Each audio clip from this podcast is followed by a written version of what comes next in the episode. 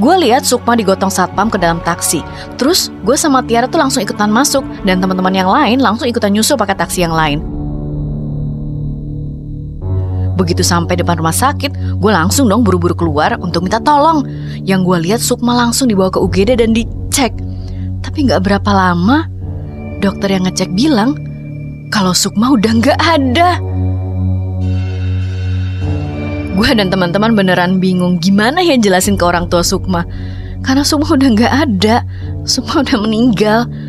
Kita cuma bisa nangis dan ketika kita ditanya kita tuh semua diam.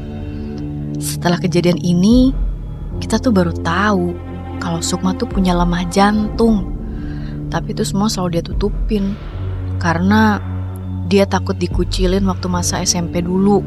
Gue dan teman-teman jadi punya rasa penyesalan mendalam banget. Terlebih lagi, kenapa sih kita bersembilan gak ada yang pernah tahu? Duh, sumpah menyesal banget gue. Udah tujuh hari tuh setelah kepergian Sukma, gue sama teman-teman juga jadi agak menjauh Gak suka ngumpul-ngumpul lagi kayak biasanya.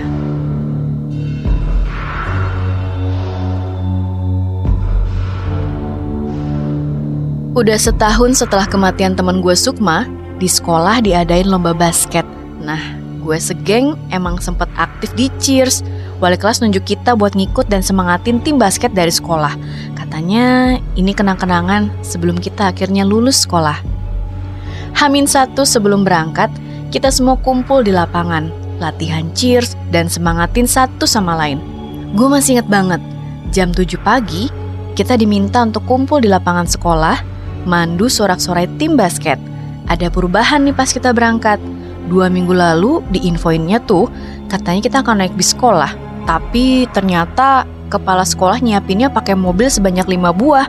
Itu mobil guru-guru sekolah dan ada yang naik mobil pribadi. Gue dan teman-teman yang lain masuk ke dalam mobil. Tanpa sadar, di dalam mobil, eh, udah ada kita bersembilan lagi. Ya udahlah, kita nyanyi-nyanyi, semangat banget pokoknya. Nah, setelah setengah perjalanan, Cindy nyeletuk. Eh guys, ini kita dalam mobil pas bersembilan ya? Pas banget kayak waktu terakhir kita ngumpul dong. Nah, dari situ gue dan teman-teman yang lain saling berpandangan. Dan yang gue denger, tiba-tiba adalah suara dencitan mobil dan setengah sadar, gue lihat Sukma berdiri dekat mobil dan mentertawakan kita. Satu bulan setelah kecelakaan mobil itu, gue benar-benar gak mau ke sekolah. Gue gak mau ngomong sama siapa pun. Ada perasaan yang gak enak. Nyokap gue kadang ngajak jalan ke mall Pernah gue sama nyokap pergi ke mall terakhir yang gue kunjungin bareng sama teman-teman gue itu.